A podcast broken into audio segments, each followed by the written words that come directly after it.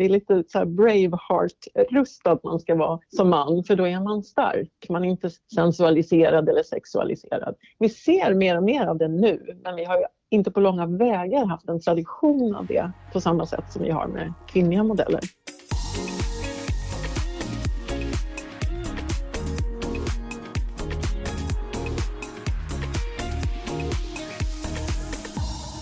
När man eh, kollar på underkläder till sig själv på nätet som kvinna kan man ju ibland få känslan av att de här sajterna talar lite mer till män snarare än till en själv. Ja, det känns ju ganska sexualiserat helt enkelt. Alltså ärligt Jasmin, blir du mer sugen på att köpa en bh när modellen som bär den har en lillfingernagel i mungipan är till en mun som hänger lite halvt vidöppen? Nej, skulle jag väl säga. Blir du det Amanda? Jag vet inte, jag Nej. tror inte det. Nej. Men på något sätt så har man ju inte heller kanske riktigt reflekterat alltid över det så mycket eftersom man inte är van att se motsatsen, alltså hur underkläder då säljs till män. Nej precis, men den skillnaden blev ju då väldigt tydlig när vi jämförde 15 webbshoppar med varandra och tittade på hur de säljer underkläder till män versus kvinnor. Och det ska vi prata mer om idag.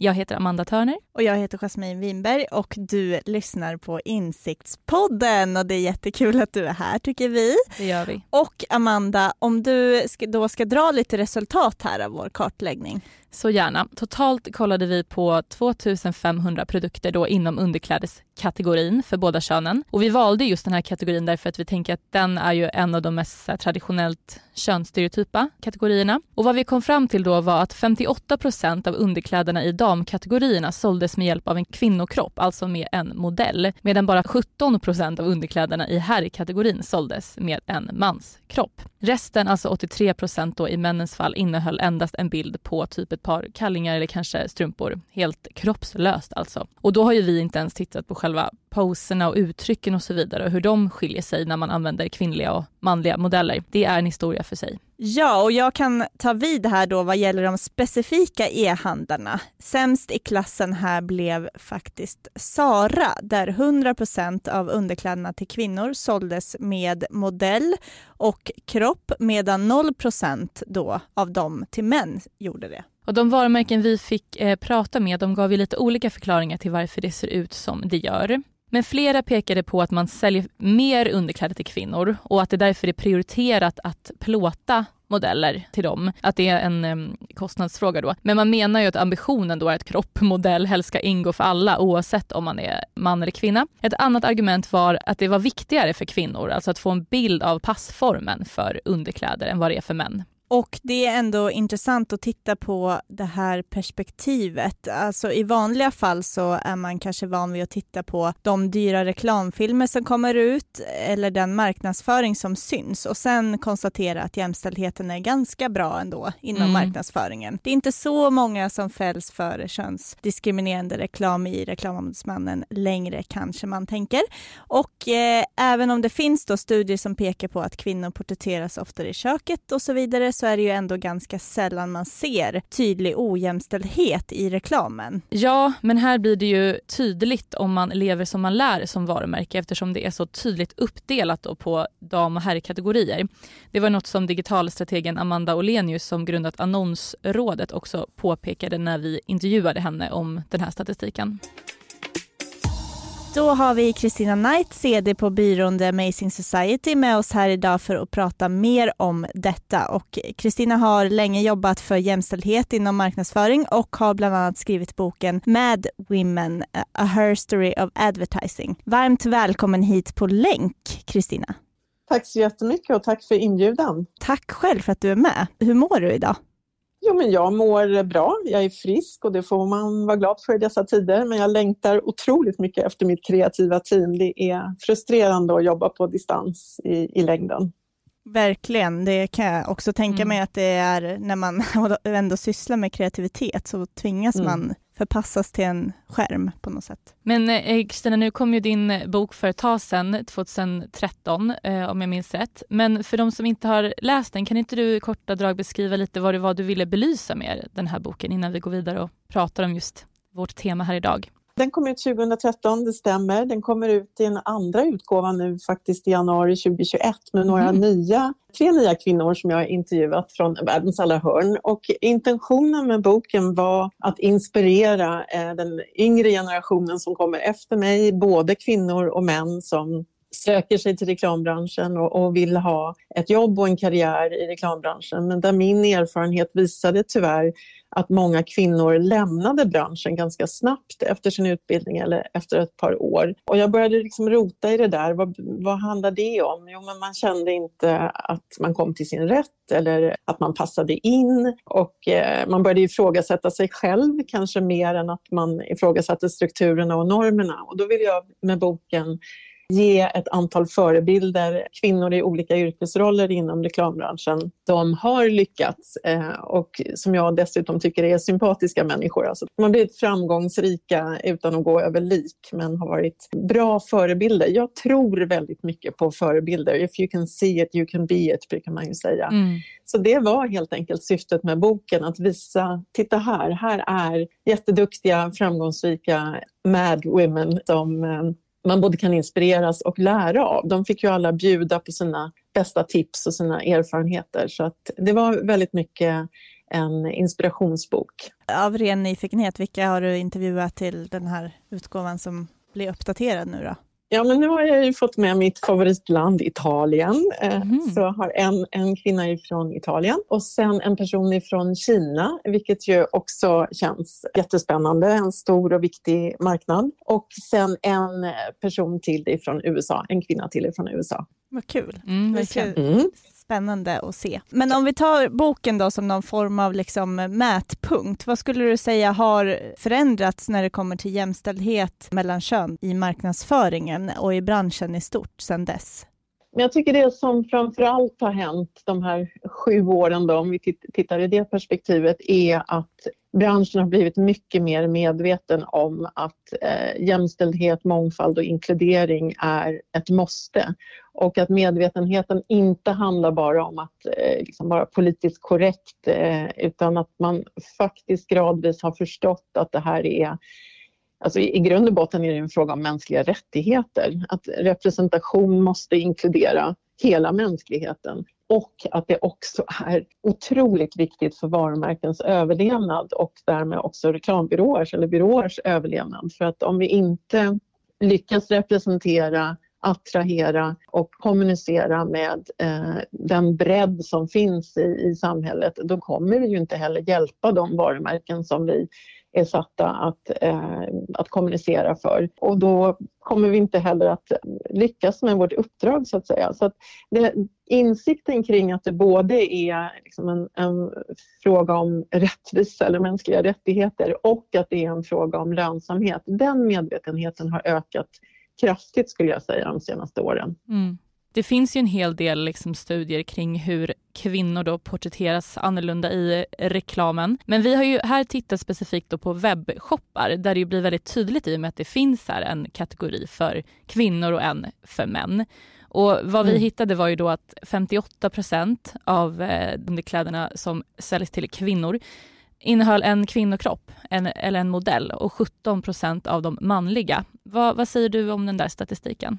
Alltså det är så intressant det ni har iakttagit det här tycker jag. Det är en jätteviktig diskussion. Jag tror i grund och botten att den här enorma skillnaden går tillbaka till de normer och strukturer vi har i vårt samhälle och som i sig är så cementerade att vi knappt reflekterar över dem. Alltså, mm. och därför behöver vi, ha, liksom, vi behöver hejda oss i steget och ha den här typen av diskussion för att rent traditionellt och enligt normer och strukturer så är det ju kvinnan som är objektet mm. och mannen som är subjektet. Man pratar om the male the male gaze i um, filmvetenskapen. Det vill säga att omvärlden och objekt betraktas av ett manligt öga genom en manlig lins, genom mannens erfarenheter och preferenser. Det är så vi så att säga är fostrade och skolade att se världen och därför reagerar vi knappt inför det längre. Det är mm. normen så att säga. Vi har diskuterat lite sinsemellan, jag och Amanda, eh, skillnaden mellan liksom jämställdhet i stora kampanjer som syns utåt jämfört med den som, om man benämner det här med bilder i webbshoppar som någon form av smör och brödmarknadsföring. Tror du att mm. det finns en skillnad i hur man tänker rent liksom strategiskt mellan de två delarna av marknadsföringen?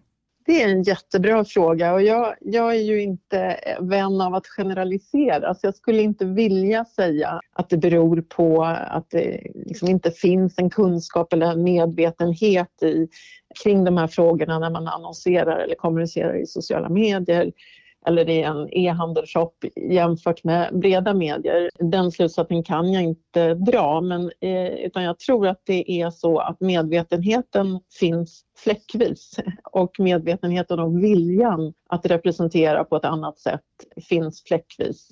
Och det enda som egentligen biter på att skapa förändring i alla kanaler överlag, det är ju förståelsen att det här är, ja, återigen då, en fråga om mänskliga rättigheter och fairness och en, en fråga om lönsamhet. Så i takt med att fler och fler varumärken, oavsett vilken kanal man kommunicerar i, kommer att förstå det här och börja bredda sin blick så är jag helt säker på att eh, man kommer göra varumärken och sin egen business en, en tjänst helt enkelt. Hur tror du att det påverkar då kvinnors respektive mäns konsumtion att det ser ut så här? Om man tar då underkläder som vi tittat specifikt på här, att man säljer det på så himla olika sätt till eh, de olika mm. könen. Ja, men det, det, är intressant för att underkläder eh, kommer ju mer till sin rätt om de sitter på en kropp. De är ju ganska mm. formlösa om de liksom bara eh, saknar ett innehåll, saknar ja. en kropp. Och då, och då kan man ju tänka att man borde saluföra underkläder för kvinnor och män på samma sätt, det vill säga på en kropp. Mm. Ändå så är det då eh, mer vanligt förekommande att det är eh, en kvinnokropp som visar upp eh, kvinnliga underkläder. Och det är återigen för att vi är vana vid att kvinnan ska vara objektet, hon ska vara den som behagar, hon är sensuell, hon är sexualiserad ofta i de här sammanhangen. Hon är där för att behaga. Det är intressant att se hur det också har funnits en lång tradition just inför jul, alltså den period vi nu befinner oss i. Mm. Så hade vi ju förr om åren eh, liksom som ett brev på posten så kom eh, de stora varumärkenas underklädeskampanjer Anne Nicole Smith och ni kommer ihåg alla de här modellerna som mm. då förevisade underkläder och det fanns någon slags tradition att mannen ska då köpa de här underkläderna i julklapp till sin kvinnliga partner för att hon ska behaga honom. Det är ju det här vi kvinnor tränas i, att titta på oss själva, titta på det kvinnliga könet genom den manliga blicken. Så är vi kvinnor tränade att titta på oss själva. Men det är ju intressant vi är specialister på det vi gör, precis som du. Därför försäkrar vi på Swedea bara småföretag, som ditt. För oss är små företag alltid större än stora och vår företagsförsäkring anpassar sig helt efter firmans förutsättningar. Gå in på swedea.se företag och jämför själv.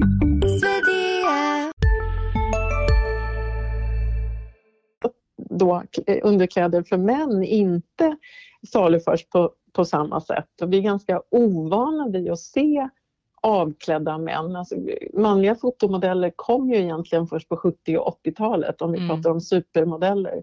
Och det är liksom varumärken som Calvin Klein till exempel som har visat ganska avklädda män i underkläder. Men annars är vi väldigt vana vid att se män påklädda, alltså rustade. Det är lite så Braveheart-rustad man ska vara som man, för då är man stark. Man är inte sensualiserad eller sexualiserad. Vi ser mer och mer av det nu, men vi har inte på långa vägar haft en tradition av det på samma sätt som vi har med kvinnliga modeller.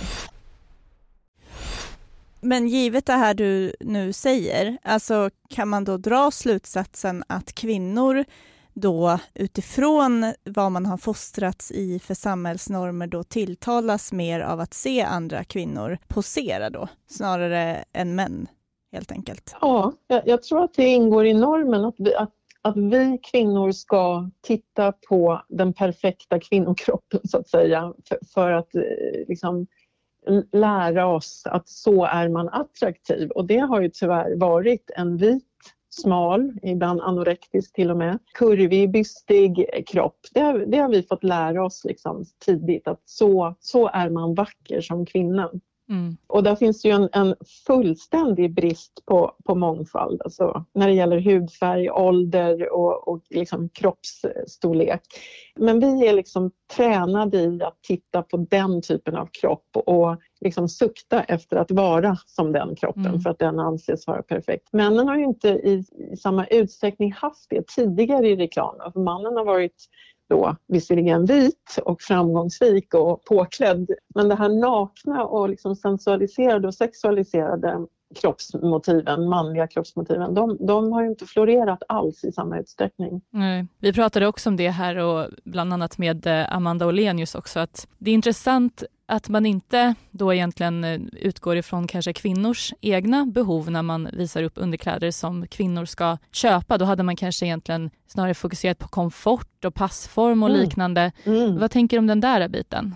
Jag tror att den kommer. Alltså vi, mm. vi röstar ju trots allt med våra plånböcker och vi dissar numera varumärken. Vi vänder varumärken ryggen när vi inte tycker att deras värdegrund eller deras uttryck och kommunikation lirar mot våra egna värderingar. Och därför är det till exempel otroligt befriande tycker jag att se nya aktörer på marknaden. Till exempel Filip Nilssons och Tove Langsets eh, varumärke Closely som visar underkläder på mänskliga kroppar och så, så som vi faktiskt ser ut och som tar hänsyn till materialval och komfort och att vi, vi faktiskt ska kunna andas och röra oss och vara bekväma mm. i de här underkläderna. Det är på väg och det är oerhört välkommet. Du har nämnt här några gånger att eh, man behöver också tänka på att mångfald eh, ger vinst i mm. slutändan. Mm.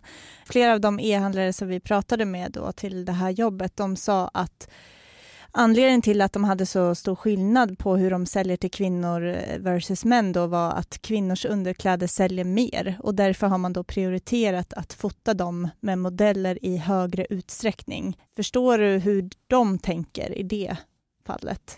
det känns ju som en, en, förklaring till ett slags status quo. Jag tänker om man nu säljer framgångsrikt genom att förevisa underkläder på en kropp, då borde man ju göra samma sak för det manliga sortimentet så att säga. Eh, annars blir det ett slags moment 22. Så att jag, jag, tror att man måste börja visa underkläder på manliga modeller men helst då såklart en, en mångfald av manliga modeller och inte inte med den här blicken som har liksom varit norm när det gäller att titta på en kvinnas kropp. Det vore ju mm. otroligt välkommet. Dressman gjorde en sån kampanj för några år sedan där man liksom ställde upp en bredd av män i alla möjliga åldrar och storlekar. Och, eh, om vi kan träna våra ögon till att uppskatta den mångfalden och liksom sluta med att på något sätt bara titta på smala vita kroppar. Så jag tror att eh, jag tror hela mänskligheten skulle må så mycket bättre. Nu har ju vi inte heller tittat specifikt på till exempel poser och uttryck och sånt här i, i det här jobbet utan egentligen bara förekomsten av kvinnliga och manliga kroppar och, och, modeller. Vi har pratat om att i vissa fall i de här webbshopparna så det liknar ju nästan något gammalt liksom slitsomslag när de visar upp underkläder mm. då för kvinnor. Men du, du är ändå då förhoppningsfull kring att det här kan komma att ändras framöver? Ja, jag, jag, tror det. Jag tycker medvetenheten ökar hela tiden. Nya aktörer kommer ut på marknaden som har den här kunskapen och medvetenheten och jag tror också att konsumenter i allt högre utsträckning vill markera vad man har för preferenser och vad, vad man vill köpa och vad man vill eh, vända ryggen. Så jag tror att vi kommer se mindre av det här som vi har sett ja, men ända sedan 50-talet och det du är inne på är jätteintressant. Att mycket kommunikation kring just kvinnors underkläder har ju till och med lånat från porrindustrin. Alltså Vi har sett fasansfulla exempel på det, till exempel New Yorkers kampanj för typ fyra år sedan. Den fick plockas ner från nätet efter ett par dagar. Mm. Den, det var ju egentligen rent inspirerat från eh, pornografin. Mm. När man då som marknadsförare ska tänka på att försöka representera samhället, då ska man ju också tänka på hudfärg, ålder, funktionsvariationer, etnicitet, socioekonomisk bakgrund, män, kvinnor och så vidare, icke-binära. Jag undrar egentligen hur lätt är det att göra rätt här? För det finns ändå ganska många tår att trampa på även för de som försöker, så att säga. Ja, men det är mycket att tänka på och, och huvudsaken är ju att man liksom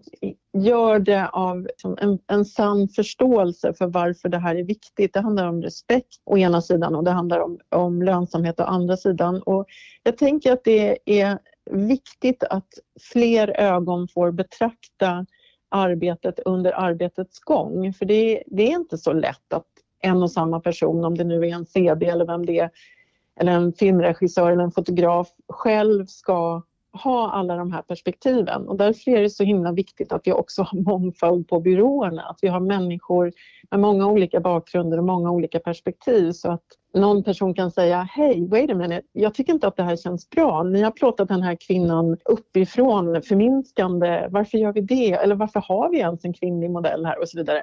Man behöver många blickar på det och man behöver ifrågasätta och våga ifrågasätta. Det är bara när vi hjälps åt som, eh, liksom ifrån flera olika perspektiv så, som vi kan göra jobbet så bra som möjligt. Mm. Hur lätt tror du det är generellt att eh, våga ifrågasätta det där eh, i en byråmiljö idag? Ja, det beror jättemycket på om ledningen på byrån har möjliggjort och skapat en kultur där det är högt i tak, där det är öppet för diskussion och ifrågasättande, där människor inte behöver vara oroliga eller ängsliga för att säga fel eller göra fel. Så när det gäller mångfaldsfrågor och jämställdhet, inkludering, det är en ledningsfråga. Det är ledningen som måste skapa förutsättningarna för det goda arbetet. Om vi då vänder på eh, steken och börjar runda av här, vad ska man tänka på att inte göra? Om ledningsgruppen ska vara involverad, finns det några liksom fällor som man ska undvika att trampa i när det kommer till representation och jämställdhet i marknadsföring? Jag brukar säga it's not, a, it's not the flavor of the month and it's not a favor you do someone. Så det här är inte bara någon tillfällig trend där vi alla måste lite opportunistiskt eh, bejaka detta utan det här är blodigt allvar. Eh, det handlar om eh, liksom varumärken och